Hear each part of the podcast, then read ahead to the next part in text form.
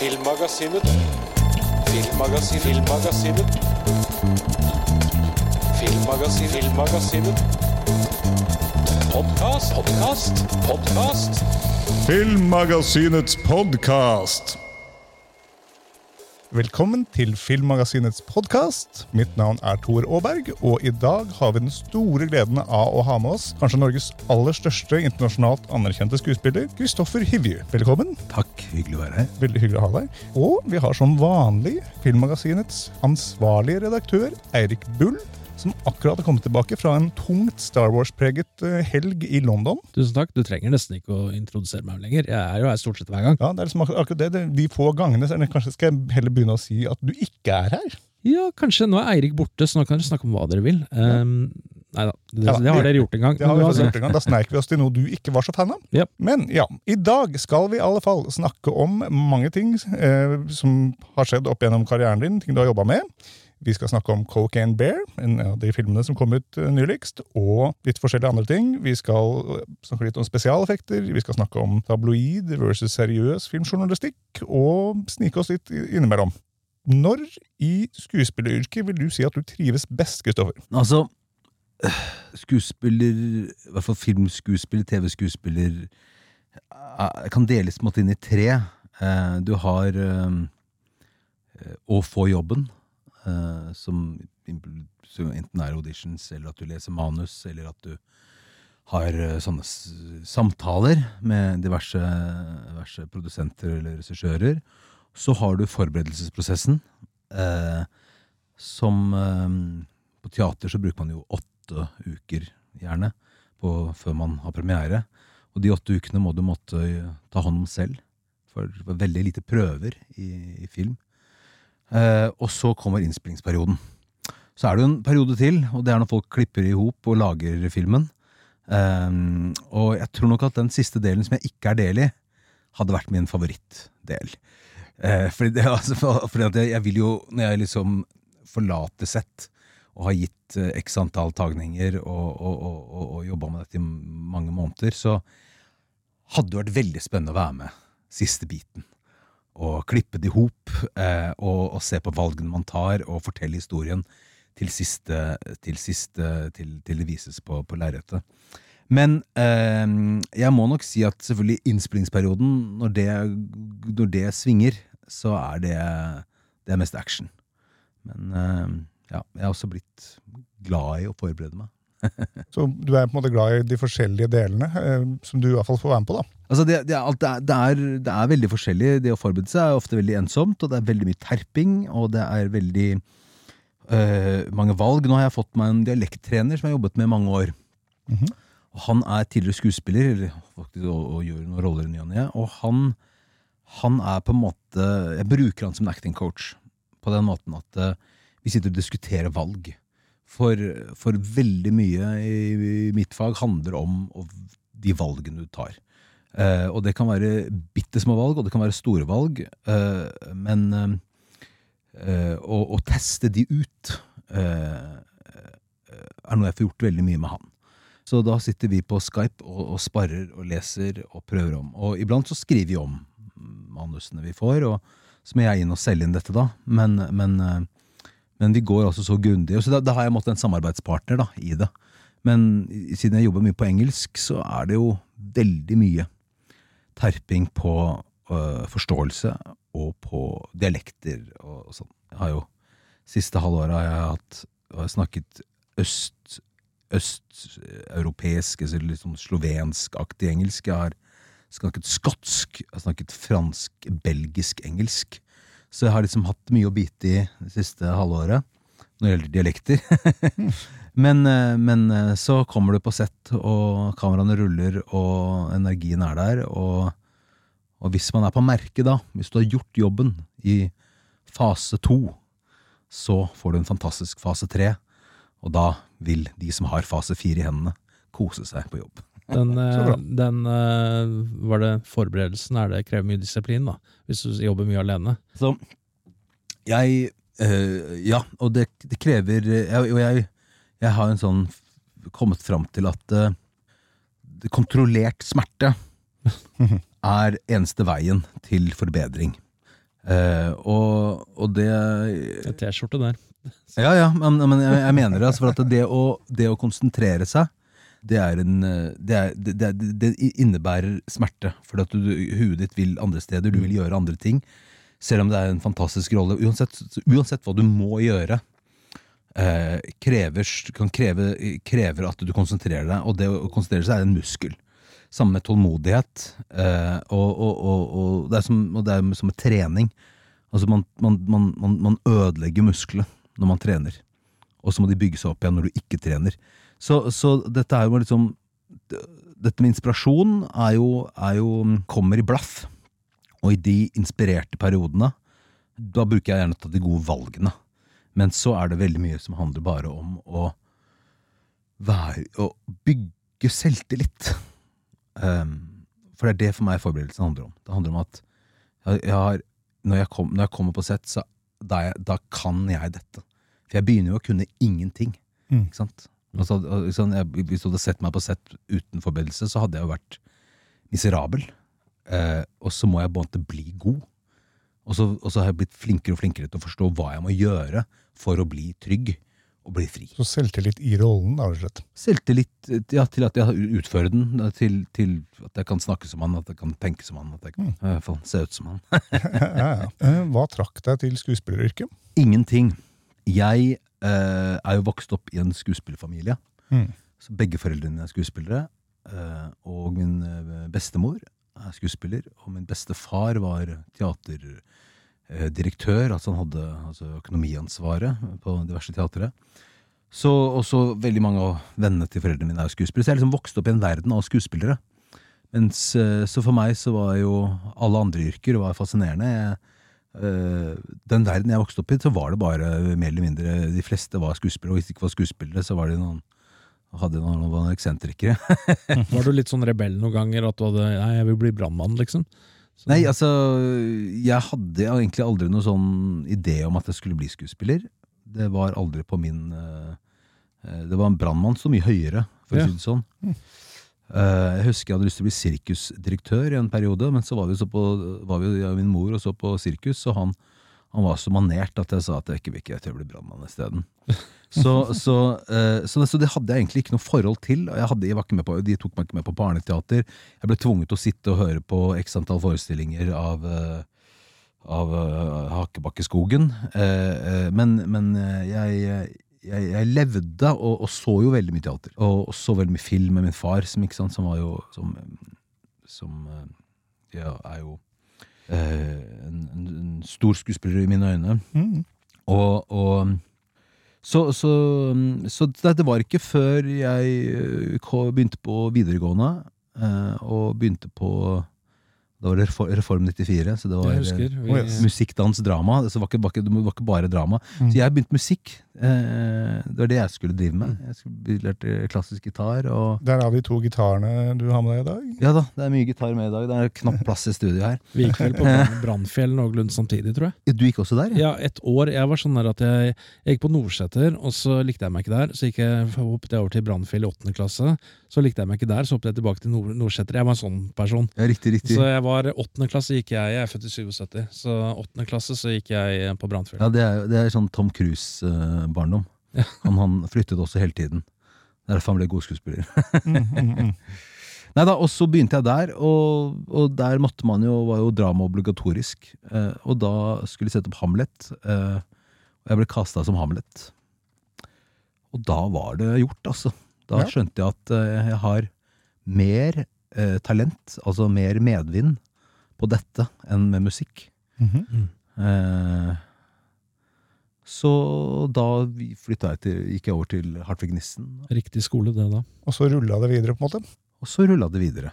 Og det, ja, da jeg gikk ut av Nissen, så, så ja, Så begynte man å søke teaterskole og bla, bla, bla, bla. bla. Mm. Men eh, jeg, jeg syns jo det var så ydmykende at, eh, at noen skulle bestemme om jeg skulle bli skuespiller eller ikke. Mm. Som sagt, Jeg vokste opp i en verden der bare skuespillere. Så plutselig var det noen som sier nei, for å bli skuespiller så må du gå på denne skolen, og, eh, og de har så og så få plasser. Ikke sant? Det var en tid hvor det var egentlig bare teaterskolen som var gjeldende. Da så var det noen som dro til London, men de hadde, de hadde problemer med å komme tilbake. For det var, jo litt- det var sånn det var, det var, en, det var en liten verden, og så var lite, også lite film og TV. Eh, på den tiden så var jo det mye større å gjøre en hovedrolle på Nationaltheatret enn å være med en hovedrolle i en spillefilm, norsk spillefilm. Det var, eh, det var, det var, det var, var slik jeg, i hvert fall slik jeg opplevde det da. ikke sant? Så, um, så det vi gjorde da, var rett og slett å starte vårt eget teater. Og så hyra vi oss inn på institusjonsteaterne og satte opp forestillinger. Så da plutselig så var jeg produsent, og, øh, og kunne spille de rollene jeg ville, og jobbe med de jeg ville. Var det på Grusomhetens teater? Nei, det er senere. Dette her var et, noe som het Teater Direkte, og så hadde vi eh, altså Kjersti Horn eh, jobba med der. Vi satte opp Shopping and Fucking av Mark Ravenhill. Vi satte opp Jernbyrd av Magnus Dahlstrøm, og jeg satte opp et, jeg satte på også andre stykker av Odd Nerdrum og diverse. Så, så, så det var en, måte en tid så, hvor vi måtte, tok, tok måtte eierskap da, over, over yrket. Og, og det er litt sånn, sånn, sånn, hatt i ryggmargen hele tiden at, at hvis ikke noen hadde hyret meg, så hadde jeg hyret meg selv.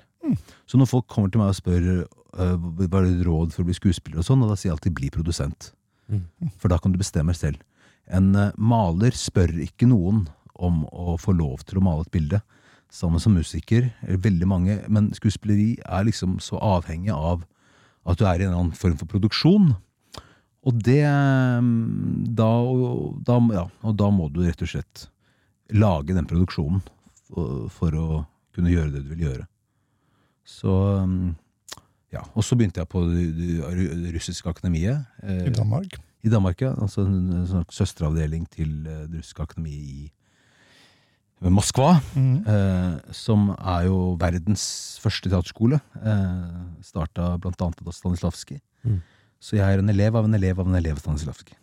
I direkte linje. Ja, ja, ja. Ikke dårlig, det. Ikke dårlig. Og så etter hvert så, så gikk du fra teaterscenen til The Thing. Ja, den er Først var jeg på Trøndelag Teater og Grusomhetens Teater og i en seks-syv årsperiode. Nei, først så fikk jeg faktisk en telefon som var eh, Alan Ball skal lage sin nye TV-serie. Eh, her har du eh, manus, liksom, eh, til dette var eh, True Blood, var det ikke den het? Ja. Og så eh, gjorde jeg audition for, eh, for den. Mhm. Eh, og jeg trodde jo at eh, altså, jeg, Som jeg sa til min kone eh, Hollywood har ringt! sa jeg. ikke sant? Ja, ja, ja. Jeg tenkte sånn, og jeg, det jeg ikke visste, var at veldig mange andre unge menn med høye kinnben rundt om i Skandinavia hadde blitt tilbudt altså, audition til dette her, fordi de lette ut en skandinav. ikke sant? Mm, mm. Og så rykket jeg bare videre og videre fremover. Da hadde jeg null filmer på CV-en. Jeg hadde knapt filmet i mitt liv. Og så um, Så står vi igjen tre stykker. Og det er meg, uh, Alexander Skarsgård og en fyr fra Canada. Uh, og så blir det forfatterstreik. Mm. Ja, riktig. Den var i seks måneder. Så i seks, og det, da det siste de sa til meg, siste telefonsamtalen, er Er du klar til å flytte til LA neste måned? Liksom. Det var der. Mhm. Og det er en, en seksårskontrakt. Er du, er du beredt, liksom? Så det var liksom som om hele livet var i ferd med å forandre seg, og jeg som alltid har elsket amerikansk film, og Alan Ball var jo stor beundrer, han også. Ja. For meg så var det liksom var, det, det, var, det var som om de seks månedene så var det som om hjernen min forandret seg. For Hvis du hadde spurt meg før den audition om jeg trodde at jeg noensinne ville være med i amerikansk film, så hadde jeg ledd. Mhm. For det hadde virket så abstrakt og så absurd at jeg skulle ende opp i en eller annen amerikansk film. Eh, selv om jeg elsket å se på de, eh, og, og måtte og, og, og, og, og slete ut teppene på videosjappene. Så, eh, men i løpet av de seks månedene så bare omformet hjernen seg som om at dette er fysisk mulig. Det er, et større, det er en mulighet, det er en større rom. Uh, og så var streiken over, og jeg fikk ikke jobben. Men Mm. noe hadde forandra seg mentalt hos meg. Og jeg begynte å huke tak i alle unge gutter som hadde trykket på rekk-knappen fra de var åtte år, som, sant, som fikk et kamera. og, De var jo gamle når de der, eh, de der mm. Kameraene kom. Og så begynte de, jeg lager filmer med de, lager reklamefilmer, lager informasjonsfilmer, Mm. lage tyder. Altså, jeg, jeg bare, bare, bare laga masse film med de. Eh, og laga og skrev, begynte å skrive. Begynte å skrive, Skrev en film som het Flaks. Filma han eh, for, på en søndag for overskuddet av uh, Teater Direkte. Mhm. Altså Vi hadde jo det teatret, så hadde vi et lite overskudd. De penga, det var 12 000 kroner eller sånn, brukte vi på å finansiere catering og, og det vi trengte da for å lage den filmen. Og den filmen begynte å reise på festivaler, som kortfilmer iblant gjør. Og da kan de virkelig, virkelig reise, altså. Og så endte den på Rodger Howards, ikke han heter, filmfestival. 20th Century Fox, en filmfestival. Mm. 3000 bidrag. Vi eh, ble nominert til beste film, jeg ble nominert til beste skuespiller. Ridley Scott satt i juryen. Mm. Vi vant festivalen, Fett. og eh, det ble min ticket. Mm. Og der starta Hollywood, på en måte. Så igjen, jeg sa jeg må bli produsent. Mm. Jeg hadde aldri jobbet i amerikansk film hvis ikke jeg ikke var produsent. Først for et teater som ga meg penga, så ble jeg produsent for den filmen. Eller mulig produsent, ja, det var en annen produsent, men uh, Christian Carlsen. Men, men, men, eh, men eh, jeg, var, jeg, var, jeg finansierte den. Ja, ja, ja, ja. Så det, det er måtte det, det, var min, eh, det var min reise, altså. Og da gikk det rett inn i The Thing, som er en prequel til eh, eh, den uh, filmen fra, med samme navn fra 1982. Ja. Det året jeg ble født. Den har jeg tenkt å snike oss tilbake til ganske snart. Eh, men en ting jeg lurer på da, bortsett fra størrelsen på crewet og økonomien, er det noen stor forskjell i filmproduksjonene i Skandinavia? For jeg vet du har jobba mye i Sverige, noe i norsk film, men mest amerikansk. Er det noen, er store forskjeller utover økonomi og antall mennesker? Altså, du kan si at jeg begynte jo med, siden jeg filma med disse gutta eh, som hadde trykka på play siden det var rekk siden det var tolv, så var det crewet jeg var vant til, det var jo to personer.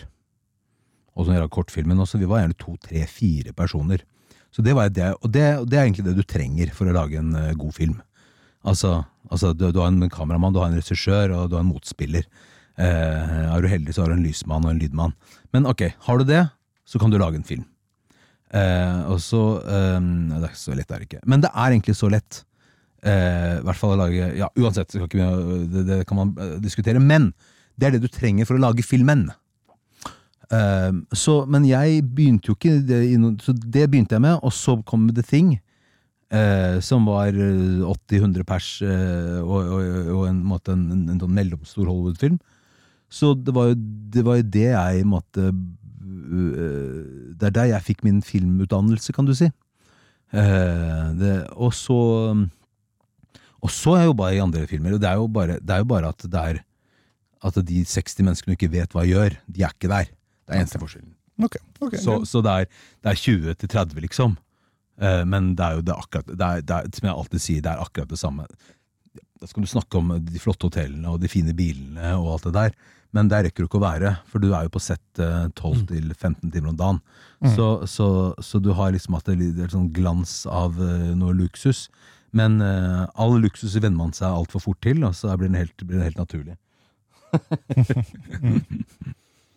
Da tenker jeg vi kan snakke litt om Cocaine Bear. Det er jo en film som kom ut ganske nylig, som du var med på. Ren galskap. Ren galskap. Mm. Jeg hadde jo et intervju med deg over Zoom eh, rundt den før eh, jeg så den, og jeg anmeldte den etterpå, og den falt jo rett eh, inn i min type ting. Det er derfor jeg ble valgt ut til å ta den nå. Jeg Du er jo vår weird shit eh, guy. weird og shit guy og crazy shit guy, så jeg måtte, hva kan jeg si? Jeg elska den. Du sa den var på forhånd helt bananas, og det var den jo. Eh, Jeg syns det var en veldig underholdende film. Den ga meg akkurat de tingene jeg ville ha ut av den, så det, det var veldig moro. Eh, Men eh, hva tiltrakk deg til den rollen, da? Altså, Cocaine Bear er jo en av de filmene som har, ligget og dura i apparatet lenge. Og den har egentlig bare dura som en tittel. Og den er, det er som Snakes on the Plane. Mm, ja. Det er Cocaine Bear. Altså, er- du har jo noen av de filmene som egentlig bare folk har bare kjøpt på tittelen, egentlig. Ja, ja. Eh, og det er som jeg husker det var en film eh, Det var noen som hadde en pitch på Brad Brad Pitt bor i kollektiv før han blir skuespiller. Alle, ikke sant? Det var, det var en pitchen da, ikke sant? Og så skulle, og så, og så skjønner du, for, for det var så gøy at han skulle, liksom, hvis ikke visste at han skulle bli stor, og drev og kjempa for å få roller, og så skulle man se på det, ikke sant? Og så, så det, er jo, det, er jo, det er jo en av de filmene som bare er laga på tittelen. Det er egentlig bare å fylle ut the blanks. Det er bare liksom, Cocaine Bear, ok, så er det bare egentlig bare å finne på. Eh, men jeg tror ikke den filmen kunne blitt laget hvis ikke det var en sann historie. Mm. Fordi at hvis noen hadde sagt til meg det er en eh, bjørn som hadde spist kokain, og, og, og, og han, han blir gæren, så hadde jeg sagt ja, men den bjørnen hadde aldri spist kokain. Ikke sant? Så det, det er kjempefest i det, men det, det er ikke noe sant.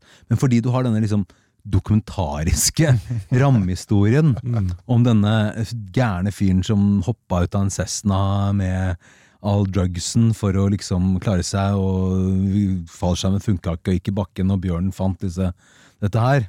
Og spiste vel hva, 40 kilo kokain? Du hørte om, eh, hør- hørte om, hørt om eh, The Asylum, som allerede er på saken å lage en eh, mockbuster av Cocaine Bear. Mm. De, den heter Meth Alligator. Så de, skal bare, de lager jo sånne, sånne på etterligninger på veldig to millioner dollar. ikke sant? ja, ja, ja. Så Meth Alligator, de, de bare tweeta 'Hold my beer'. Og så, ja, ja, ja, ja. Ja, ja, ja. bare- Og så bare bilde av den plakaten like før den skulle komme ut. da. ja. Ja, riktig, Det er jo det de gjør. Lager ja. liksom ja, mockbusters av, av ting. Det er festlig. Ja, men jeg har også kødda med at det er snart så vil vi ha cocaine elg. Ja, ja, ja. Eller cocaine laks. ja, ja hvem vet? Altså, de Eller- kommer ja, garantert. da, ja, da, ja, da, Må lage oppfølger, da. Så, Ja, da. Jeg har liksom, Med en gang jeg så den tittelen og begynte å liksom sette meg inn i denne filmen, så fikk jeg liksom en sang gående i hodet hver gang jeg hadde med den å gjøre. Og det er Jeg vet ikke om noen av dere husker den uh, reklamefilmen for vitaminbjørner. Så i Å, hodet mitt var det kokainbjørner, koka, kokainbjørner. Det er bare hver gang. Eh, Så. Men sånn er jeg. ja, Ja, det den, er skulle, du. den skulle vært med. Du spiller jo en norsk turist i den filmen. ehm, og hvordan var prosessen med å måte forberede deg til den rollen? Du det er, er jo satt på 80-tallet, og du har en veldig fin look gående der. Hvordan var researchen rundt det, og hvordan ble du den karakteren? Nei, altså, karakteren bygget vi rundt et bilde fra 70-tallet. Av eh, to turister, eh, et par, som eh, er i Appalachia på tur. Og kostymene vi har på, brillene vi har, er en identisk replika av nøyaktig det bildet. Det, Nydelig. sagt, det er dette bildet vi skal lage, dette er karakteren. Så, um, og så var det Nord-English, og det var jo deilig å kunne snakke litt Nord-English. um, altså det, var liksom, da, det som skjedde da, var at da, da Det åpnet for improvisasjon. Fordi at eh, altså, Jeg kan sitte og terpe inn dialekter, men det å, det å improvisere på, på en dialekt du knapt eh, har lært deg, liksom, det, det, det, er, det er veldig vanskelig. Det krever fem ganger, sju ganger 15 ganger mer jobb. Men eh, så, det som er gøy med så, eh, Elisabeth Banks Vi, altså, vi hadde altså, vi, altså, vi laget egentlig en novellefilm. Så det er jo altså, Av vi, alt vi, alle de scenene vi filma, så tror jeg bare 20 av det blei med. Og det var jo også meningen. Men vi dro på tur. Og så hadde vi diverse eh, sånne temaer som vi drev og diskuterte og krangla om etter hvert. Så, det, så uh, så, så vi hadde så, så litt av liksom Litt av uh, Litt av jobben, men den, den kom litt underveis, på en måte, fordi vi måtte liksom finne ut hvem de folka var, gjennom å improvisere. Så vi bare gikk på tur, og så hadde vi to kameraer på slep, og så, eh, og så kasta Banks inn temaer og konflikter og sånne ting, og så holdt vi på. Og, og det, så det, ble, det er jo det som er åpningen på filmen. ikke sant? Som vi, ligger der, så, sånn, det, dette var, dette var, det, var ikke, det var ikke skripta, det var bare hun bare fikk en idé mens vi holdt på. egentlig, at Kan ikke vi, kan ikke vi begynne med disse folka og la de liksom litt kjent med de først, da. Men jeg tror nok at det ligger en eh, novellefilm som skulle laget om de folka her. Eh, eh, som egentlig handlet, og den novellefilmen handlet om at eh, hun ikke ville at band, broren min sitt band skulle spille i bryllupet. Jeg. Eh, og, og jeg var sånn Men dette var jo den eneste tingen jeg skulle få bestemme, og han har gått på masse sangtimer, og, han er, og hun er bare sånn jeg bare, jeg kan, Vi kan ikke gifte oss. Så, så blir det en kjempekonflikt. Så dere lagde mye mer ut av det? på en måte. Veldig mye mer. det endte med at jeg sto og, hoppet på sekken min og slang sekken min rundt og, skrev, og skrek 'Jeg nekter å ha et bossa nova-band'! så det var utrolig gøy. Så, så det, er sånn, det er alltid sånn. Altså, som jeg sier, jeg har lyst til å være med på uh, del fire av en filmprosess. Men uh, mm. uh, ja, det er for en del fem òg. Det er jo markedsføre. Så nå er vi på del fem. Men, men, men, eh, men, men eh, Så uansett, da, så, så, så, så var det ja, Det var i hvert fall en veldig morsom shoot. Og, øh, og det var bare et sånt prosjekt hvor det, det er et ensemblestykke. Det er bare kom inn, bli med, gjør, bli med noe gøy, og så, og så gjør vi det. Kan du si noe om eh, den der bjørnen? For jeg, jeg skjønner ikke helt eh, Det er jo Veta Workshop som har vært involvert med den, med hvordan de lagde den. Men eh, hvordan var, var, var, var var det en fysisk effekt, eller var det, det var mye datagrafikk, ikke sant? Eller var det en fyr i en drakt? Det var en fyr i en drakt. Eh, Ikke Ah. full drakt, men du har, du, det du har er en fyr med, som går på sånne pinner. Ja. Som er en, måte, en av hva het han som spilte Gollum igjen? Eh, En av hans måte, elever. Ja. Andy Circus. Ja, Andy Circus. som, var, som var en av hans måte, Han har jo måttet Han har jo måttet, forra, han har jo måttet gjort Han har jo måttet gjort det til et yrke, på mange Ja. måter. Mm. Eh, eh, og han har jo også masse elever, eller i hvert fall folk som har lært han. Jeg møtte på han i holdt jeg i helgen. Han var jo der. Gjorde det? Jeg møtte, så fikk ikke snakket med han, men eh, han var i hvert fall der. Det var masse paneler og sånn. så- Han er jo med i Star Wars også. Ja, ja. Ja, riktig. Han, er han, han er overalt, han. Mm. Neida, så, øh, så, så det er, så vi hadde noe fysisk å jobbe med, så det, er blikk, det handler om blikkpunkter, og det handler om at, at du, alle kunne liksom forholde seg til oppførsel? Så det ikke bare er sånn å se sånn ut i luften, å, nå den, kommer den mot oss. Mm. Det, er, det er ikke noe gøy som skuespiller. det er mulig. Eh, halve Lord of the Rings jeg spiller alle skuespillere mot et eple, så det er mulig. Men, Mm. men det er mye morsommere å ha, et, eh, ha en ekte der. Og så er det jo de De har også vært involvert i Avatar, første Avatar-filmen og masse annet. Mm. Mm. -hmm. Eh, Så de problemet, eller utfordringen, det var jo å lage en, en bjørn med personlighet. Eh, som er liksom Og det å klare å lage noe som du, en, en bjørn du blir glad i, som du syns er sjarmerende, som er morsom, som er farlig. Og liksom, altså, det er mer enn bare et beist, da, ikke sant? Selv om det er ekstremt høy på kokain. Ja, ikke sant? Og Åssen lager du en bjørn som er det? liksom? Det, det, det er jo helt ko-ko. Så, så, så, så dette, dette den, er, den er helan- helanimert, ja. Mm. Eh, Jeg gjorde en film som het eh, Operasjon Arktis. Mhm. Eh, og da ble jeg også eh, banket opp av en bjørn. Eh, og da dro regissøren til Grete Bø til eh, og filmet en ekte isbjørn eh, på green screen og fikk den til å gjøre hva enn den skulle gjøre. Fikk den inn i filmen. Så det var det, og det var eh, Ja. eh, så det var en ekte bjørn. Du hadde, du hadde jo ikke noen scene, eh, som jeg husker, hvis jeg husker rett, du hadde ikke noen scene med Ray Liotta, men det var hans første, siste film. Mm. Han, eh, men fikk du jobbet noe med han, eller fikk du møtt på han? Nei, vi, vi jobbet jo ikke med, men vi møttes. Han Ja. superbra fyr, og, og han eh, Han, eh, han er altså Han er en legende, så, Ja, så jeg syns det var en Hvis de ikke, hvis eh, ikke fint vet det, så han døde jo nylig eh, Mm. for litt tid siden. Så ja, han har vi sett gjennom årene, ja. Mm. Ja da, nei da. Han er, han er jo en tøffing, han også. Mm. Så, så han har gitt sitt. De som ikke har sett Cocaine Bear, vil jeg sterkt anbefale å gå og se den, fordi den filmen er pur underholdning. Hvis du har nervene til det. Men det er interessant, for dette er jo en av de filmene som bare er vås og vass. Og, Mm. og, og den fikk en sånn ekstrem hype veldig tidlig. Oscar-utdelingen, for eksempel. Ja, riktig. Da hadde jo en hel gag om det. Mm. Det kom jo en fyr i en bjørndrakt ut på scenen og Ja, ja, ja, ja. hang seg på beina til folk og sånt. Mm, mm, mm. Nei, da, men, og, det, og, det, og det tror jeg ligger litt i at uh, altså det lages jo veldig mye innhold nå. Og, og det lages veldig mye TV-serier, og veldig mye high concept. Veldig mye er hvordan du skal du fornye sjangere, hvordan skal du gjøre det enda dypere. du, altså Alle går jo bare hest over ho, hva heter det for noe? begrepet? Uansett. Mm. eh, plutselig- så, så de der tullete 80-tallsfilmene med bare gøy og moro, de har Mm. måttet forsvunnet litt i alt, all, alt og hvordan måtte, bransjen har blitt øh, eh, Altså, det, fordi kinoene har, sliter litt, eller litt mer enn før, så, så har de liksom prøvd å satse på mye, ja, mye store, dyre eh, ting som måtte må ha, ha en dybde, da. Eh, så dette er jo Men det, det, det, dette tror jeg kan være en ny bølge, da. Det er, det er krig og faenskap, og alt er bare Alt er mye, mye, mye uro, og da å bare få gå inn i kinosalen i to timer og, og se på en bjørn som spiser folk, det er klart at det er det, Det må- det. er greit, det.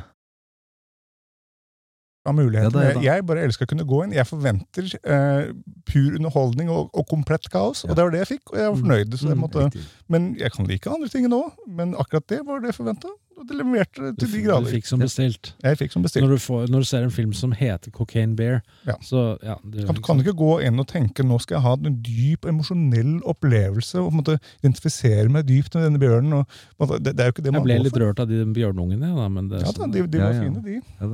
Det er, fine, det er, det er noen fine grep der. Det er en happy ending. Mm. ja, bjørn. Det er jo, ja. I forhold til Game of Thrones skal vi snike oss en rask tur innom.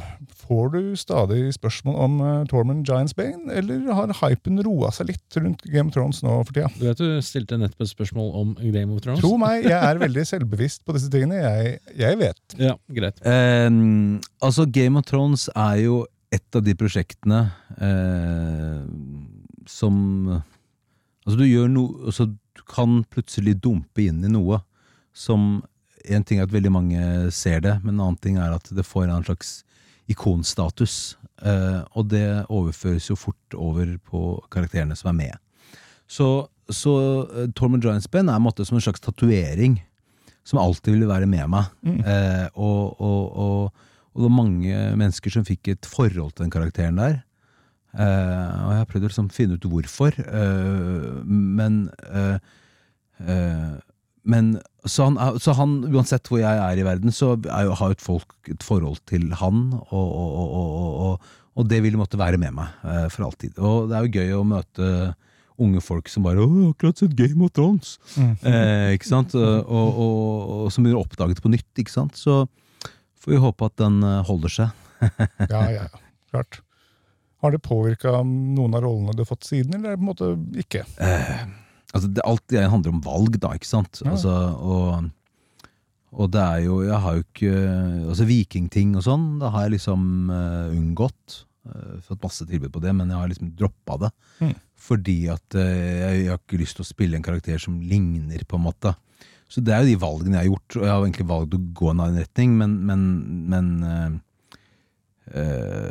Altså det, det er jo ofte sånn at eh, når noen skal kaste, så veldig, kaste en skuespiller, så prøver du å kaste han som klin lik han forrige rollen du gjorde. ikke sant? Så det er, eh, Men, men eh, men nei, altså liksom Etter Game of Thrones har jeg klippet skjegget fire ganger, fordi alle vil ha det vekk. Så, så det har liksom ikke Det har jeg Altså i hvert fall ikke begrensa meg, føler jeg. Nei. Det vil helst si det motsatte. Ja, det, er, det er bra. Det er bra. Og du klipper skjegget gladelig. Ja, jeg følger det. Jeg gjør det er jobben min. Nettopp. nettopp. Eh, da har jeg tenkt meg til, tilbake til 1982, til The Thing. Eh, jeg så den for ikke så lenge siden, eh, og jeg, har, hadde et sterkt forhold til den originale filmen fra 1982. Det igjen året det jeg ble født. Yeah.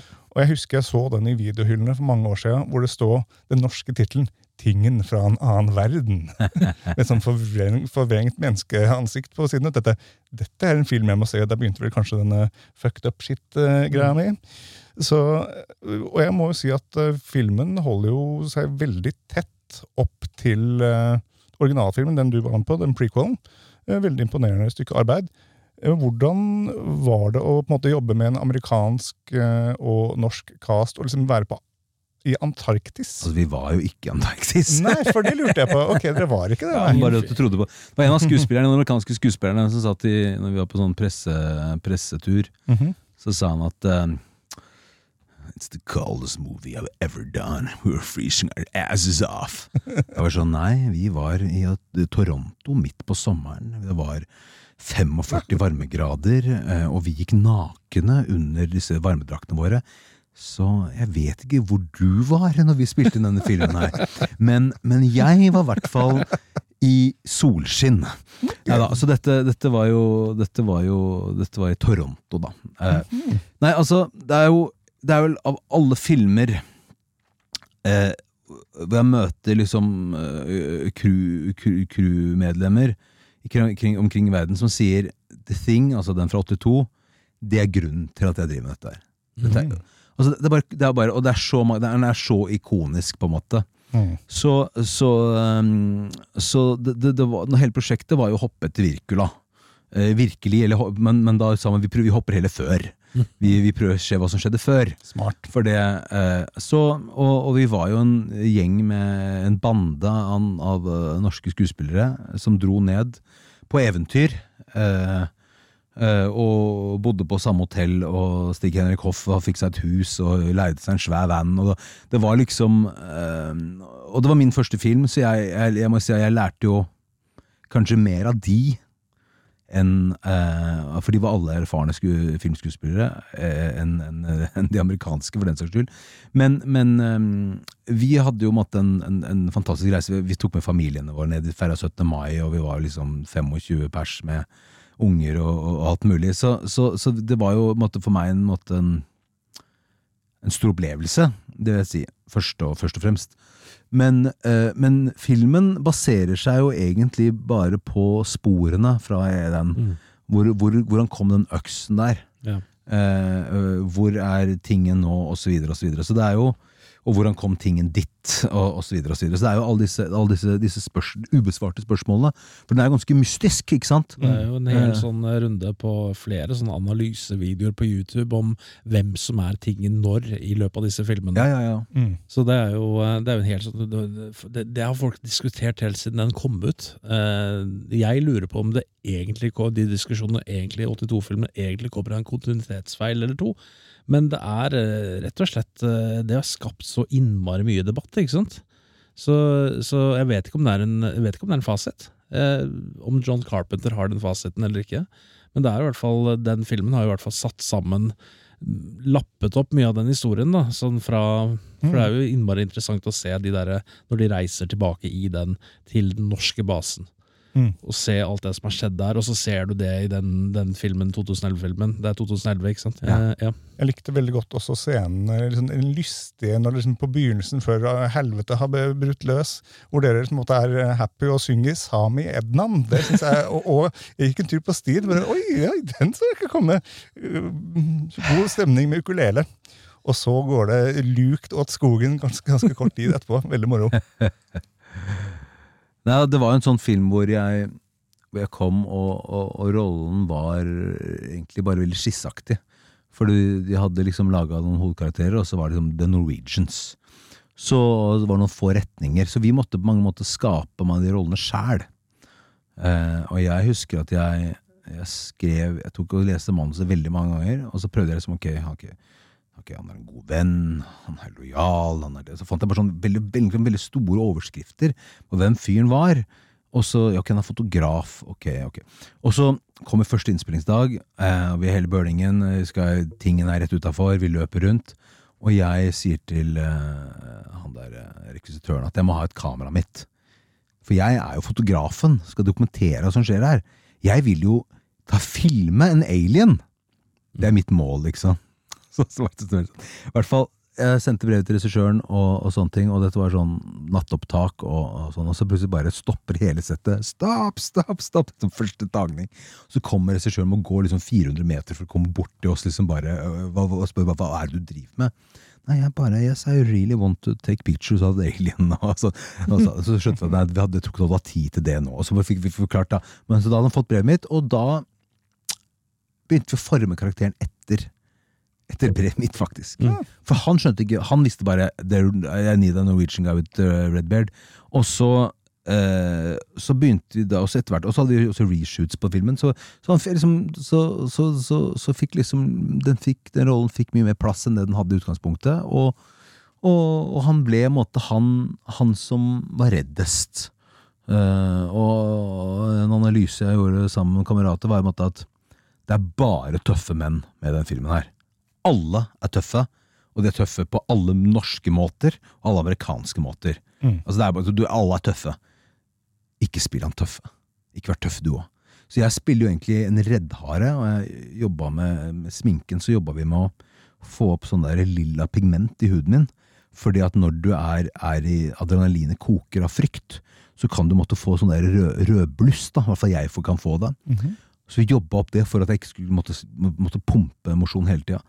Så, så, så jeg prøvde liksom å, å, å, å Min maleklatt, da, min, min, min puslespillerbrikker i den filmen, så prøvde jeg liksom å Så prøvde jeg liksom å ja, eh, lage noe som var litt annerledes, for, å, for, å, for at historien skulle bli bedre. At, eh, at eh, det skulle være måtte, flere farger å spille på. Og det er ganske ekstreme eh, spesialeffekter der òg, i den filmen. Altså, det, altså, du ender jo opp med en slags sånn alien-arm smelta inn i ansiktet, ned i gapet, som en sånn facehugger fra Alien. Og, og Trond Espen Seim smelter sammen med en annen fyr, sånn der flashy mass. Hvordan var arbeidet med spesialeffektene der? Nei, på grunn av 82-versjonen, eh, som også er en remake, forresten. det er en remake. Who goes there? Som igjen er en bok. Ja, sant det. sant det. Og det var også folk som hadde jobbet på, på, øh, på 82, eh, som var med. Og alle ville gjøre det sånn som det var. Alle ville, ville gjøre det med ekte effekter. Og, og, og, de, hadde, altså de hadde jo disse, disse fjernstyrte kontrollene som kunne styre hodet og ditt og datt. Du hadde, hadde jo alt Du hadde liksom De prøvde å gjøre det på gamlemåten, da. Mm. Eh, og Cathy, som jeg kalte den armen, for den levde jeg med i, eh, Den var festa til trynet mitt i, i mange uker. Eh, eh, inn i armen min og sånne ting. Eh, den, den var også ekte, da. Den var som sagt, da. Eh, så, så målet var å gjøre det bare med sånne ting, og så eh, kom det vel til et punkt i, eh, i klippeprosessen hvor de måtte bytte det ut. Mm. Hvor, de hvor de måtte Tid, tid hadde gått fra det, på en måte. Og, og, og, og i The Thing 82 så, så kjøper man det på en annen måte, og, og, og ja, altså, det er jo ekstremt imponerende hva de fikk til. Men det var også første gangen vi, vi, vi så noe slikt, ikke sant? Jeg, jeg- var bare fire år gammel, så jeg skal ikke si at jeg så den da, men allikevel. Ja, så, så, så, så det er vel det at altså, Mange var sure for det at det ikke var ekte og sånn, men, men det, det, ting kan gjøres bedre digitalt, da. Rett og slett. Det er jo også på slutten av filmen, eh, hvis du nylig har sett den derre den, denne filmen her, Ja. så er det jo når de- er inni ufoen, eh, så er det egentlig Da ser du sånn der søyle med sånne der blokk, sånne holografiske blokker. Ja.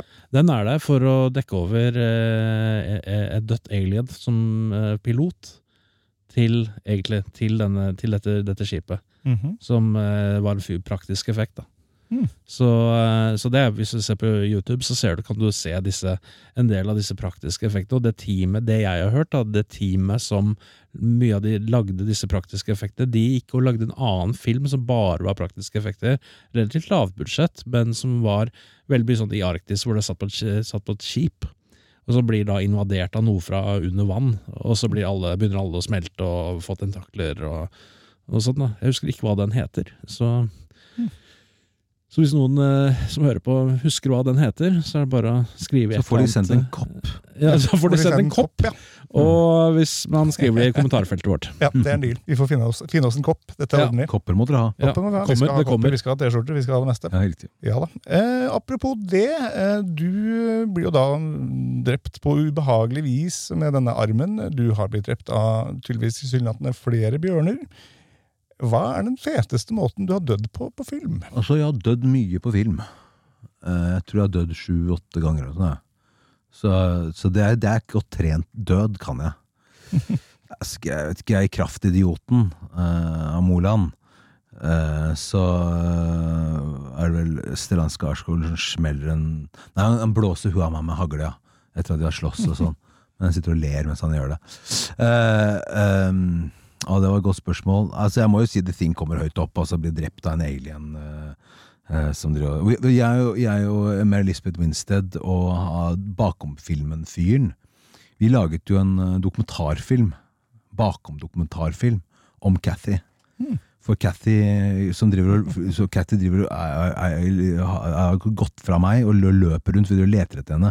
Og hun er, oppfører seg veldig dårlig. Og det fikk vi med spesialeffektgutta på. Som det, den, den, den der hånden driver og løper rundt. Eh, rundt omkring. Mens de, og jeg vil ha intervjuer og snakke om den og ja. Går det Altså, an å det- se dette her noe sted? dette det går an å se. Dette, dette skal jeg prøve å finne. Altså, dette, det er livfilms på YouTube. Eh, så det er en veldig morsom sak, faktisk. Eh, som, som, som, som, sånn burde få, som, som burde få sin egen kinorelease.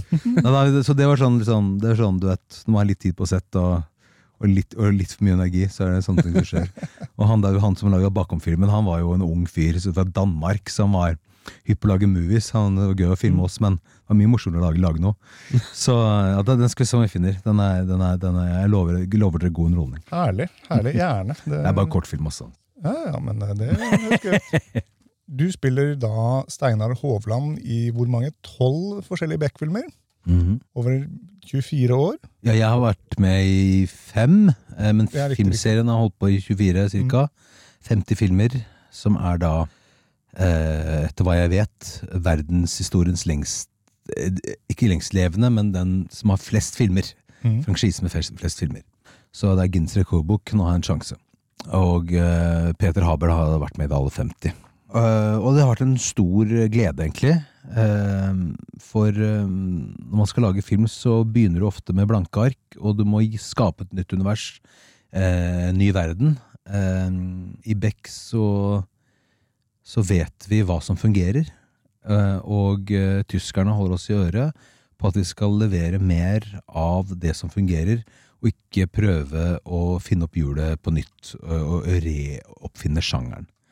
Og eh, når jeg kom inn, så eh, ble den solgt til BBC. Altså BBC4 er en sånn er det som For UK så er det de der de ser alle de skandinaviske seriene og, og, og det med subtitles, ikke sant? Mm. Eh, og, og da skrev eh, en eh, avis eh, dette er den nye bølgen av Nordic noir. Og det stemmer, stemmer ikke. Det er den aller første bølgen. Mm. Det er første gangen måtte, det type universet ble skapt. Så det er jo en sånn det er jo en, Beck er som en gammel hest som har fått uh, nye hingster med på laget.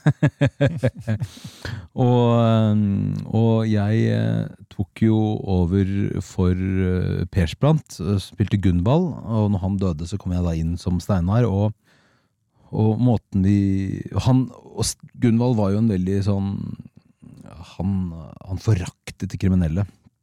Og han var en ganske voldelig fyr, og han brøyt mye regler, og han var- han var en ganske en ganske, en ganske dirty politimann, egentlig. Eh, selv om han var en ekstremt populær karakter.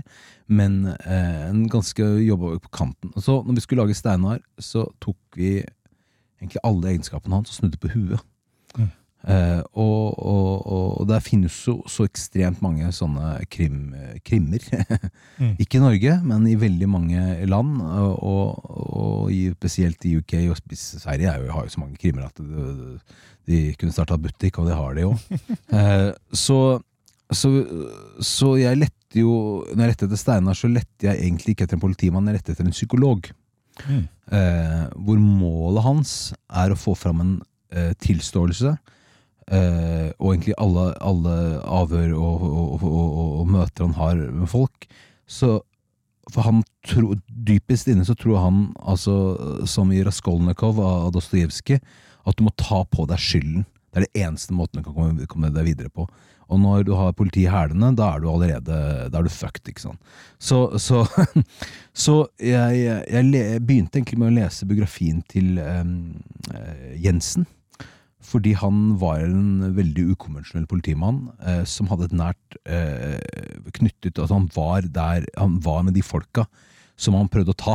Eh, og hadde, de hadde respekt for han, og han hadde respekt for de. Så det var en måte take på, eh, på det å være politi som en ukonvensjonell politi. Eh, som jeg syns var eh, veldig inspirerende. Og jeg tror han også var en veldig god politimann. Eh, men nok om det. Jeg, jeg, så jeg lette etter en psykolog, og, og, eh, og, og vi gjorde han empatisk, og, han hadde ikke et alkoholproblem. Han hadde familie. altså Vi prøvde liksom bare ta bort alle, gå ved unna alle klisjeene Mm. eh, til etterforskerne, og lage en jovial nordmann som, eh, som har liksom den, den, the Norwegian arm, som er sånn eh, begrep i, i utlandet for hvordan nordmenn, når nordmenn skal ha saltet, så bare lener de seg over og tar. Eh, tar, tar saltet. Du spør ikke 'Can I please have the salt, please?' Det, du, du, du, det er liksom, du bare tar det du vil ha. Jeg har bodd i England, og jeg har fått høre akkurat det der. Du har det, riktig, riktig. Rødåring i tillegg, så. Ja. Eh, Jeg hørte at Peter Haber har eh, sagt at nå blir det ikke flere eh, Beck-filmer med han. Hva er dine tanker slash følelser rundt det? Altså, det har han sagt, det har han sagt i 15 år, minst. Ok. Så, så hvor, hvor, hvor, hvor, hvorvidt det stemmer eller ikke, det får vi se på. Men det er klart at uh, han har blitt en eldre mann. Han har levert 50 filmer, uh, og han er jo en helt uh, skuespiller. Og han er jo så Altså, han er, han, han er de skuespillerne som gjør én tagning, og, og det kunne man egentlig brukt For han er, forbereder seg, er, er så presis i sine forberedelser og har tatt de valgene på forhånd. Så, han trenger, altså, så hvis du spør kan ta en tagning til, så spør han hvorfor. Ikke sant? For da vil han gjøre noe annerledes, noe bedre. Eller, det er sånn, sånn, fordi at ah, Det er ikke sånn vi bare prøver og prøver, prøver sånn, som mange, mange gjør. Og jeg òg leter, ikke sant. Bruker alle tagningene du kan få til å ja, kaste ny maling eh, på klippebordet. Mm. Så, øhm, ja, så han, han har jo måttet vært kjølen og seilet eh, til, eh, til Beck-universet over veldig lang tid, og er jo også en litt sånn en, en, en politietterforsker som, som ikke har så mye de, problemer, og, og, og, men, men som, som bare er veldig eh, eh, lovlydig og, eh, en mann du kan stole på. Du vet at han tar de rette valgene. Og det tror jeg litt av seriens suksess er at det fins en sånn, sånn Du vet at det, det fins noe som er urokkelig. Han er uncorruptible. Mm, mm. Eh, det er eh, en av, en, måte, ja, en av de tingene som gjør det. Nå er den solgt til 77, 77 land. Den går i hele verden. Så, så den, eh, den har et enormt publikum. Mm, absolutt. Du, jeg så du står som eh, executive producer på den siste filmen. Du snakka om det å være skuespiller, også det er lurt å ha vært produsent. Hva gjorde du i den filmen som executive producer? Eh, Beck går sin gang uansett hvem som er executive producer. uh, Beck er, er jo finansiert eh, svensk, uh, tysk, fransk, jeg husker ikke. Men den er, den, den har ganske, den er jo mye, mye, mye utenlandske penger i det. Uh, og eh, Så her, her, her går alt på merket, og man, man jobber veldig metodisk på den måten at man jobber lenge med manusene, sånn at det, det, er, at det er bunnsolid. At det er, du får ikke noe sånn sjafs i henda. Som for det nå skal vi gjøre film nummer eh, 41, og, og det gikk bra sist. Det er veldig metodisk. Eh, så eh, Jeg har vært produsent på flere av de, men, men, men, eh, Så det er, ikke, det er ikke en veldig utøvende eh, produsentrolle, for å si det sånn. Men det som er fantastisk med Beck, er jo at eh, vi får manusene, som allerede er godt gjennomarbeidet, og så må vi se dette manuset fra våre point of view, våre rollers point of view. Så mm, på Beck så har vi prøver. Det vil si at før vi skal filme en scene, så går vi inn i glassburet, og så sitter vi og jobber med en scene til den sitter. Og da kaster vi om på replikker, vi skriver om, vi bytter om, vi diskuterer, vi kommer inn i kjernen av det. Og vi går ikke ut av det rommet, for vi har scenen. Veldig ofte så begynner du å filme en scene, og du vet ikke helt hvor vi skal lande, og så må du løse dette på klippebordet. Eh, sånn er det ikke her. Eh, og det er en ro. Eh, og det er mye takket Peter Haber, som, er, måte, som også skal, her skal, skal sitte. Uh, så så, så, så det, er, det er et slags ensemblearbeid uh, hvor, hvor, hvor vi, vi kan være med og dikte. Det er flere skuespillere sånn hvis vi finner på en ny scene, vi syns tre, historien trenger denne scenen, så skyter vi den scenen. Og det er ekstremt unikt. Og du begynte å snakke om forskjellen på amerikansk og, og, og, og, skandinavisk film. Altså, det, du kan ikke komme på en amerikansk film og si at du har skrevet en ny scene.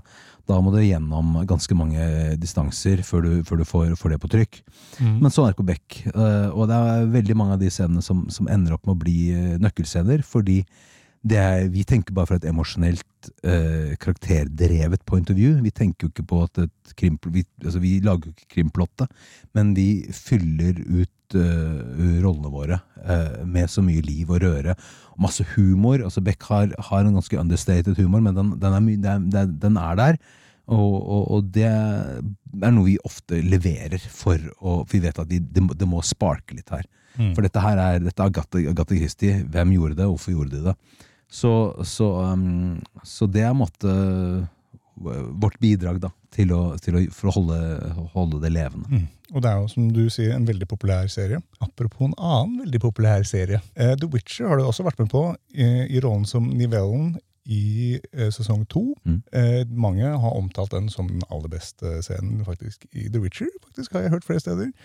Og hvordan forberedte du deg på den rollen, hvor du da er si, en mann eh, som har fått en forbannelse over seg, som du er et slags merkelig beist? Hårete, bortesvin, bjørnaktig beist? Jeg fikk det manuset til den episoden før eh, serien hadde begynt å gå på Netflix. Så for meg var det måte første møte med det universet. Eh, så øh, fikk min kone og kjøpte alle bøker, og vi øh, måtte begynne å lese dem opp, men jeg hadde liksom ikke sett det. ikke sant? Eh, og så gjorde jeg veldig mange auditions til den. Jeg tror, tror tre eller fire auditions tror jeg gjorde på den filmen. Og det, er, altså, det er ikke så ofte jeg gjør auditions lenger, selv om jeg gjør det med den største glede. For da får du liksom testa rollen Mm. før du sjekke om det funker. Men, men, uh, men den var det liksom runde på runde på runde på. Uh, og, og, og, og greia at jeg hadde jo ikke lest manus. Så jeg visste jo ikke at han var eh, en, en, et, et, et piggsvin. Eller hva er det for noe? Hva, Hva, hva heter det for noe? Hva heter det? Ikke piggsvin. Han var Vortesvin? Boar, altså. Ja, villsvin. Villsvin. Ja. Eh, det visste jeg ikke. Så jeg brukte da de månedene, det var en ganske lang periode hvor det- auditionen pågikk, på egentlig å forberede meg til en rolle hvor han var et men- menneske. Mm. Eh, og, og det tror jeg var ganske avgjørende. Eh, og jeg husker jeg satt i et siste sånn derre møte. Eh, hvor, du, hvor du har møte med regissøren, som altså ofte er siste måtte sjekke om du er en hyggelig fyr. Og så bare plutselig skjønner begynner å snakke om spesialeffekter. Jeg hva, unnskyld, hva er det du snakker om? Liksom? Dette, jeg, dette har jeg ikke fått med meg. Altså, mannen har skrevet på det, hadde jeg lest manuset, da. Mhm. Det er sånn, dette, altså, du, vet, du går liksom no, Noen ord bare forsvinner, ikke sant? Du, Mm. du får, ikke, får ikke mer jeg er fra Norge, herregud. Skjønte ikke, hadde ikke lest, hadde ikke, hadde ikke lest godt. Så, jeg, bare- så hun forklarte meg at det var at, så, så, så det tok lang tid før jeg skjønte det. Uh, og så jeg forberedte egentlig rollen som en mann som hadde bygget et slott rundt, eller et mur rundt seg av skam. Mm. Um, uh, og som prøvde da å, å tegne et bilde av seg selv som skamløs. Så en mann, så jeg måtte begynne med å finne Han har jo måtte gjort en Jeg skal ikke spoile noe, men han har gjort en forferdelig forbrytelse. Eh, og, og, og han gjør alt han kan for å skjule den ved å være levende, ved å være sjarmerende. ved å Eh, og han får besøk, så han har jo vært ekstremt ensom, ikke sant. Eh, men så er det jo da novellen som jeg gikk tilbake til. Det er jo eh, å, å lese den mange, mange ganger. For der finnes det jo mye mer stoff rundt karakteren, og mye, mye, masse det jeg ikke kunne bruke, fordi at vi laget en litt annen backstory, men, men jeg, jeg, jeg måtte fant liksom ja, jeg måtte finne, jeg måtte finne den, den, det, det, det grusomme. Jeg måtte, og måtte også øh, hemmelig, Jeg måtte finne hemmeligheten hans for å kunne skjule den. For handlingen jeg gjør, er jo å skjule hemmeligheten. Mm. Det er ikke for det sånn typisk bom man gjør man tidlig som skuespiller, at man spiller at man har en hemmelighet. Altså, se på hemmeligheten min, se på hemmeligheten din. Men hvis du har en hemmelighet, så prøver du alt for å skjule den. Mm. Og, og, og så var det, opplevde jeg at det var noe shakespeariansk over hele karakteren. Måten han snakket på, måten han beveget seg på. Han var sånn, Og så var det jo det Beauty of the Beast, da, ikke sant? Mm, som, altså, brukte som, som er jo selvfølgelig han Forfatteren stjeler jo hemningsløst fra alt, og tar det han har lyst på. Eh, så jeg brukte veldig mye av, eh, av det bildet, da, av, av Beauty and the Beast. Så, så det, var, det, var, en, det var en stor opplevelse. eh, Det var en veldig gøy rolle å spille. Eh, Så ja, det var en gave. Det her Spesialeffektene på nivellen er jo imponerende. da. Jeg liker å tro at jeg kan se spesialeffekter. Jeg har liksom digget spesialeffekter hele livet. Og der eh, så ikke jeg hvordan de hadde lagd det. Der så ikke jeg hvordan de hadde lagd kombinasjonen av Det var en kombinasjon av motion capture og fysisk praktisk drakt, ikke sant? Ansikt og hvordan Kan du forklare litt hvordan de lagde den? Altså, vi, hadde, altså, vi hadde store diskusjoner om det. Jeg ville ha at det skulle være At de skulle lage, lage et ansikt. Mm. Altså at de skulle bruke da eh, altså, altså, sånn eh, At du syntes vi skulle lage det fysiske ansiktet. At de ikke skulle bruke motion capture. Mm. Eh, men kroppen er, er eh, Alt utenom ansiktet er ekte. Eh, Og på den måten så kunne jeg måtte bevege meg som figuren. Eh, vi kunne skyte veldig mange vinkler uten å bruke, bruke spesialeffekter. Altså, ikke sant? Vi kunne liksom, og, og jeg kunne være i rommet.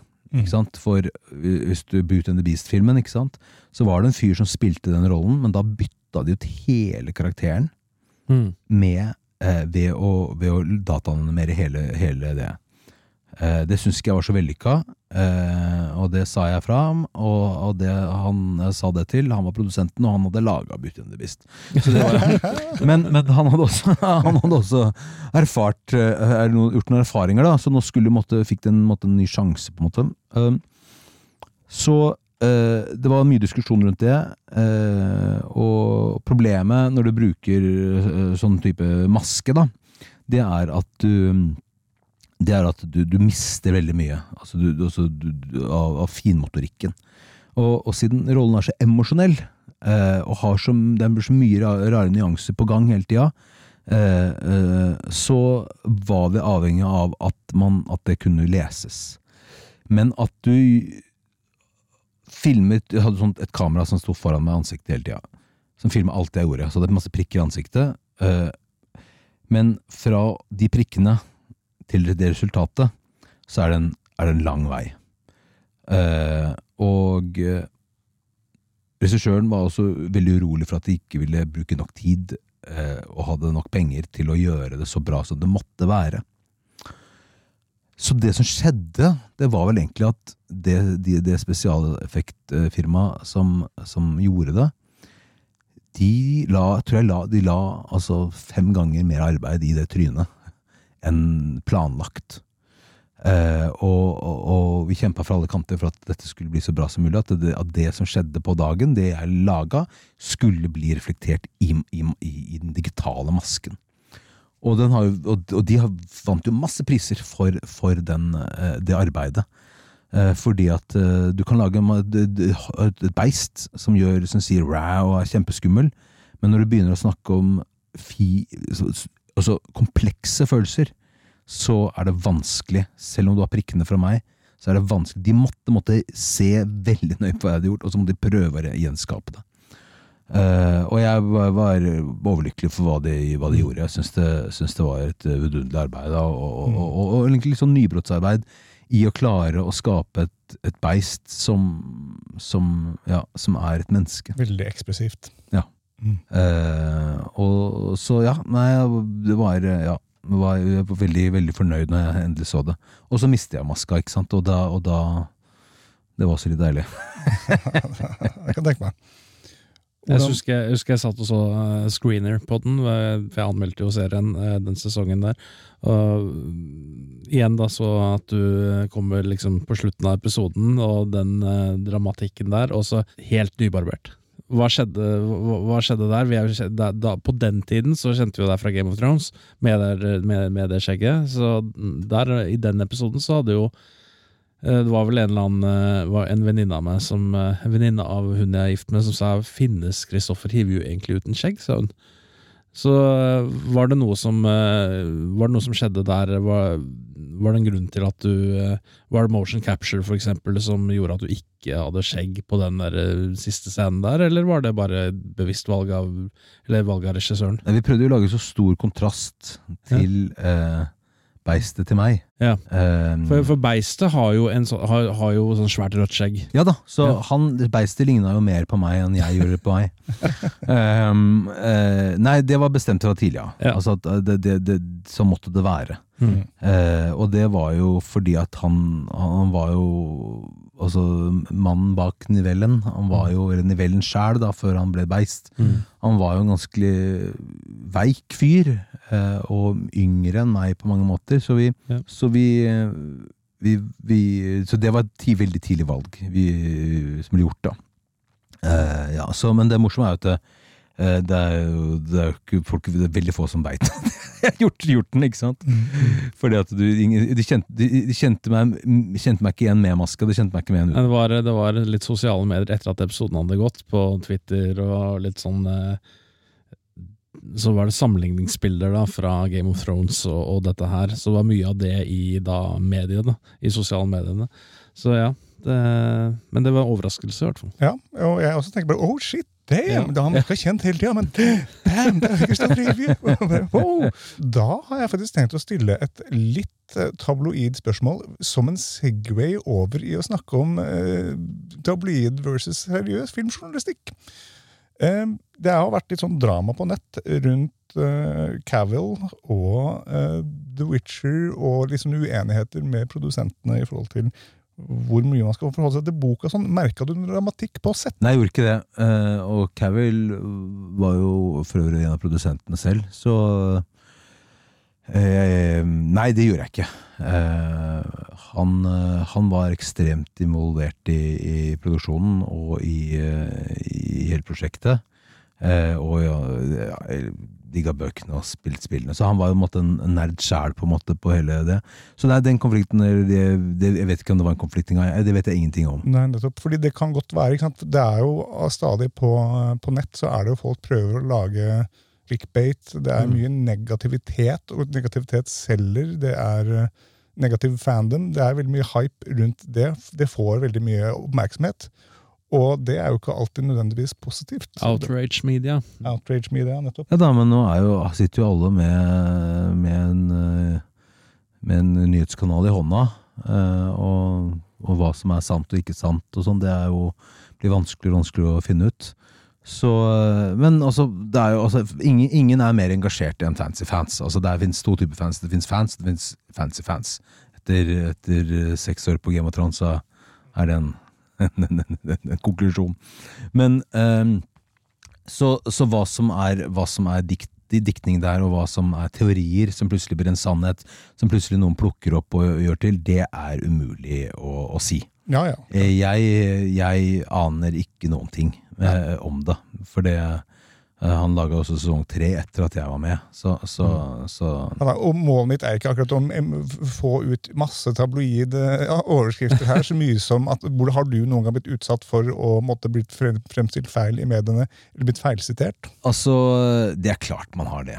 Eh, og man, man sier én setning, og så blir det hovedoverskriften, men det var egentlig en bisetning som var om en annen.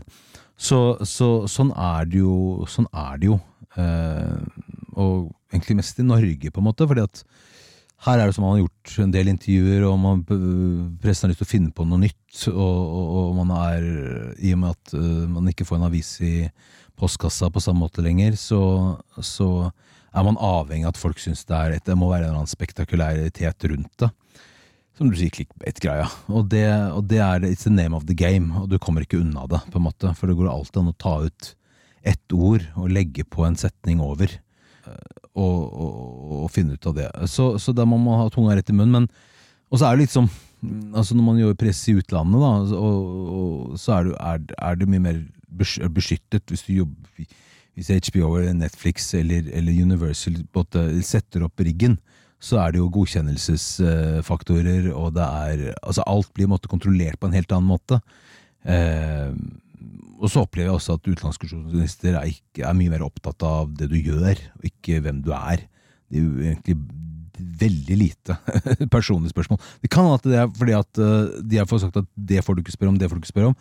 Og så er, så det er vel noen som har brent seg litt med på dette her i utlandet, og så har, det, har, har man da fått mye strengere, strengere premisser for intervjuene. Mm. Eh, men, eh, men eh, ja, jeg opplever i hvert fall at idet jeg tar foten utafor Norge, skal ikke lenger til Sverige, så er, er journalistene mer opptatt av det du har laga, enn av deg. Eh, og det Ja, så det er jo bare Det Men det er kanskje fordi jeg er norsk òg, da. Mm. Ikke sant? At man er norsk og man er nordmann, og da er man opptatt av hvordan er det å være nordmann i et eller annet sted. Mm. Hvordan takler du stress og press med å være en offentlig person på den måten? Nei, altså jeg, jeg før jeg ble, eh, ble kjent eh, for de som har sett det jeg har gjort, da, så, eh, så var jeg, prøvde jeg å få oppmerksomhet på alle mulige måter. Så jeg måtte, at det ligger litt i skuespiller-DNA, ikke nødvendigvis faktisk, men jeg har alltid søkt oppmerksomhet eh, og syns det har vært stas. Eh, Så jeg husker jeg gjorde mitt første, første som portrettintervju i VG da jeg var 19 år, og, og forberedte meg godt. og brasa ut med det ene og det andre, og så var det en kamerat med da, som leste dette her, og så sa han Ja, hva syns du, da? sier jeg sant, første gang. Og sånn. Så sier han ja, det er ikke Cliff, da, sa han. Han kaller meg Cliff, da. Og, var, og da var det sånn, som døde inni meg, for det var sånn Hvis ikke han kjenner meg igjen som den offentlige personen Jeg var da et eh, Jeg hadde min, da, min two and a half minutes, eller én dags fame. Hvis ikke han kjenner meg igjen og syns det er gøy, da er jo alt bortkasta. Jeg gidder ikke å være en eller annen late, la, late person. Så, så det tok jeg liksom, og så gikk det jo mange år før plutselig folk var interessert i å stille meg noen spørsmål igjen. Og, og da mm, Og så da har jeg forsøkt at liksom At man får kompis med folk skal i hvert fall kjenne meg igjen. så jeg, jeg, jeg, jeg eh, Det er jo masse jeg ikke gjør, selvfølgelig. Men, men, eh, men, men eh, det jeg velger å bli med på, det, det syns jeg da Det er moro. Så det er, ikke noe, det er ikke en stor stressfaktor i livet ditt, rett og slett. Nei, det er ikke det. Og, så, så det er ikke like moro at folk kommer bort når man er sammen med familien eller sammen med kompiser. og sånne ting. Så det er bare en del av saken, men, eh, men det, folk er jo begeistra. Og hele prosjektet er jo å begeistre mennesker og røre mennesker og uh, fortelle dem historier. Uh, og hvis, ikke hvis man skal være sur for at folk er, blir begeistra og har blitt rørt av historien på en eller annen måte, Mm. så da er, du, da, er, da er du feil yrke.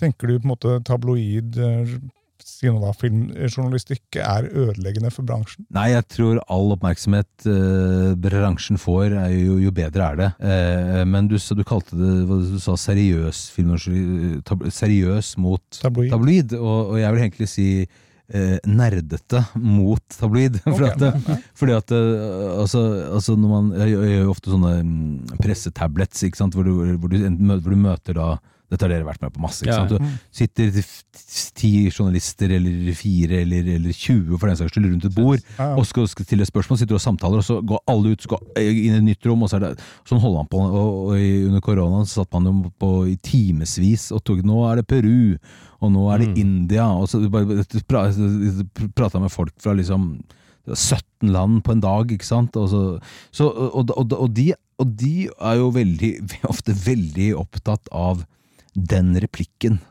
eller, eller, eller øh, valget karakteren gjorde i det øyeblikket. Mm.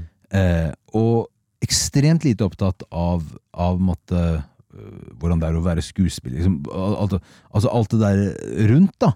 Så, så, så I sånn roundtable så får vi jo gjerne bare ett eller to spørsmål. Mm. Så da må vi bare gjøre det mest. det gjelder å treffe på det spørsmålet. ja, Ja. Så, Men det er gøy, for det er ofte at folk, at de spørsmålene blir jo da skjerpa. ja. Eh, og morsomt hadde Marte Hedenstad fra Filmpolitiet eh, hun plutselig dukka opp ved en av disse tablettene i, ute i New York, eller jeg husker ikke hvor det var. Og så, og så Det var veldig gøy, for da plutselig satt, liksom, satt, satt Norge der, og, og, og, og hun hadde sitt ene spørsmål, og da kunne hun egentlig bare eh, ringt meg på forhånd og skulle dukket opp på Filmpolitiet og prata en time, men, men, men, men måtte det sånn, hun fikk ett spørsmål. Det er, det er jo sånn når, er, når det er noe som er en serie eller film som er, eh, som er eh, på, da, så, skal så er det distributøren. Da må alt gå gjennom distributøren også.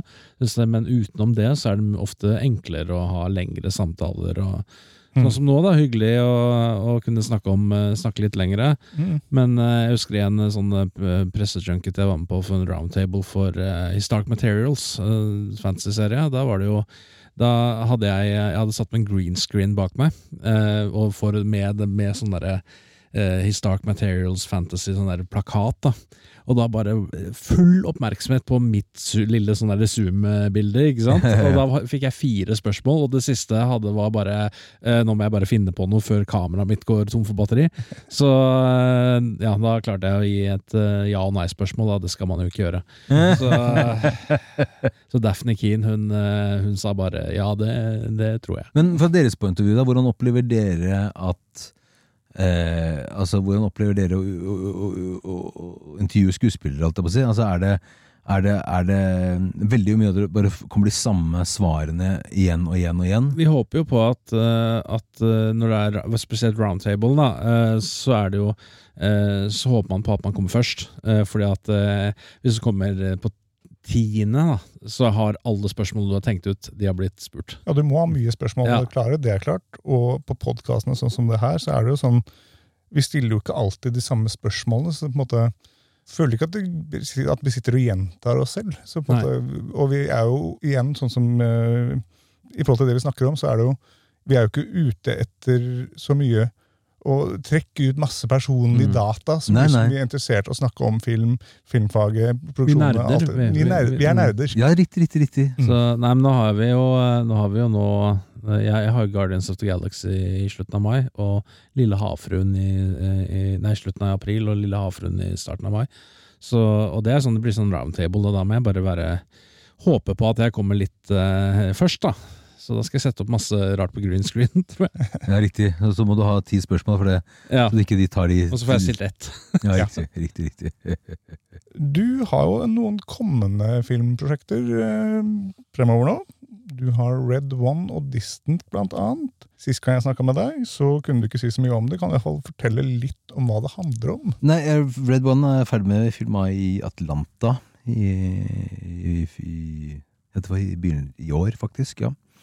Ehm, det er en uh, juleactionfilm. Som da blir forhåpentligvis blir en Det er jo en altså det er jo Fins jo du har Die Hard, men Er det en julefilm? Ja, ja ikke sant. Det, er han, han. Bruce Willis nekter jo for at det er en julefilm.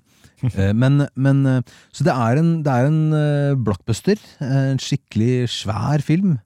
Eh, og med Dwayne Johnson og eh, Chris, Chris Evans og JK Simmons som julenissen sjøl. Eh, hva jeg gjør, eh, kan jeg ikke si ennå. Eh, det kommer vel snart. Eh, eh, men altså, et fyrverkeri av et manus og et, et overskuddshorn av en film. Så eh, ja, det, det, den, den mener jeg jeg kan si at man bare kan begynne å glede seg til. Mm. Altså. Er det liksom oppi gata av uh, Cocaine Bear minus bjørn og kokain? Eller er det en litt annen vinkling? Sånn Det noe, altså, nei, det, det hørtes ikke veldig jule, den pitchen der. Det var ikke så veldig julete. nei, nei, nei. Nei da, jeg, som sagt, jeg kan bare si at det er et svært spektakkel, eh, og at det er julefilm, og at det er action, og Dwayne Johnson eh, har en rolle som passer ham bra, så det, det var Nei, da, hadde en, hadde en kjempefin innspilling på det, eh, og så ja, det, det jeg kan ikke sorry, ass, Nei, nei, nei, si så vi, vi, vi, er fullt forberedt på det, Ja ikke, ja ikke da. noe Jeg kan si hva som står på IMDb, liksom. Ja, ja. Distant, da. Nei, det er tilbake til MDB. Det er en uh, film som handler om et, uh, et romskip som krasjer på en uh, fremmed planet. Jeg, Og det er det du kan jeg, si. jeg, jeg spurte deg om det for halvannet år siden. Det er Akkurat samme svar. Så det, det, det, det, det kunne jeg lest dere til. Nei da, så den, den, jeg vet heller ikke når den kommer. For det, Nei, er, det er litt sånn Det er litt uh, det, er, det er sånn Når de slipper noen filmer, legger de, holder de tilbake for at den skal slippes på rett tidspunkt, Mm. på riktig, riktig helg, og noen Ja, altså det er uh, er det Columbia eller er det Universal, husker jeg ikke, men, men uh, det er Ja, de, de har fall De har ofte mange filmer i banken, så velger de når de skal pumpe den ut på rett tidspunkt. Uh, ja. Ja, da kan vi egentlig bevege oss til eh, vårt siste og mest eh, faste segment, som Ja. er Har du sett en god film eller en god serie i det siste? Altså, jeg må nesten da si ta den siste jeg har sett, og siden det har vært påske, og krim har jo vært en del jeg har brukt tid på, nei, så er det en, eh, en eh, skotsk eh, serie som heter Shetland, som eh, egentlig handler om et lite politikontor og noen mord som skjer der ute. Som er veldig godt eh, krimhåndverk, rett og slett. Eh, eh, og dette er ikke high concept. Dette her er bare noen eh, nydelige folk som, som er ganske uskyldige i sin natur, på en måte, og, og grusomme ting som skjer. Og også, det er altså helt klassisk eh, Agatha Christie-krim. Det er en serie, ikke film, filmer, da. Eh, og, og, og har blitt liksom kjent med disse menneskene eh, i den serien. Og, og nå så da sjette sesong, som jeg har venta to år på. Så det er egentlig mitt beste, mitt beste bud. Eh, akkurat nå. Eh, hva har dere å, å, å, å friste meg med? Jeg har jo tilbrakt eh, helgen i langhelg i London hvor jeg bare pustet og spist Star Wars. Så, men jeg skal komme litt- litt overraskende. Jeg tror jeg nevnte det i forrige episode også, så vidt. Eh, Jeg, altså, det var en serie eh, som kom for et par år siden, eller var det i fjor, som heter Star Wars Visions, som tar og slipper en del animasjonsstudioer løs for å bare lage Lag hva dere vil. Da, da tok de japansk, så det ble anime. Um, Og, de, eh, og nå kommet, så ble bare Star Wars i anime, da, og tar litt sånn eh, vilt, ikke helt sånn, det hører ikke helt med i dette universet, men eh, Visions dermed, du har eh, Kurosawa i Star Wars og så, sånne ting. Men eh, nå har de tatt flere animasjonsstudioer rundt fra hele verden, og det de har gjort, er, og det er samme, tror jeg, samme animasjonsstudio som er Wallace and Gromit, eh, som har eh, lager en eh, episode, en liten kortfilm, da, om eh, en mor og en eh, datter og en racerbane. Så du har en blanding av Wallace and Gromit, Star Wars og Flåklypa Grand Prix. Det er fantastisk. Vi så den på fikk, Den serien kommer 4. mai, men vi fikk se den episoden på Star Wars Celebration i London. I en sånn Vi hadde en pressekonferanse for, for serien etterpå. Apropos sånn sitte og høre på eh, på sånn stort panel. Og det var så morsomt. Jeg trodde ikke at det, den, den Wallace and Gromit-stilen skulle fungere i Star Wars, men det gjorde det så innmari, altså. Så det er eh, ikke noe seriøst i det hele tatt. Her er det eh, flyvende Seriøst, det er ikke et krav her, altså. Nei, nei, nei, flyvende campingvogner og, og, og, og, som kommer i en sånn sky av skittentøy og flagrende bh-er og det som er eh, Ikke sant? Det var bare helt vilt, og, og det er en sånn ordentlig gladepisode. Så den, eh, den anbefaler jeg 4. mai. Jeg har sett en serie det siste. Jeg har sett faktisk eh, andre sesong av serien Reservation Dogs. Ikke Reservoir Dogs, for det, det er en tittel til forveksling lik. Mm. Men Reservation Dog er, Dogs er en serie som handler om unge Native Americans i, på et indianer- eh, eller Native American-reservat eh, i USA. eh, og livet deres og hva som foregår på reservatet. Hvordan veldig mange av ungdommen er misfornøyde og tyr til litt sånn småkriminalitet og prøver å komme seg vekk og vil dra til Los Angeles og måtte få seg et bedre liv. Mm. Det er en veldig underfundig og fin serie hvor de blander inn litt sånn Native American mytologi. og Plutselig så er det noe Sasquatch der, og så har vi liksom The Dare Lady, som er en dame med uh, hjortebein, og liksom mytologien inni det her.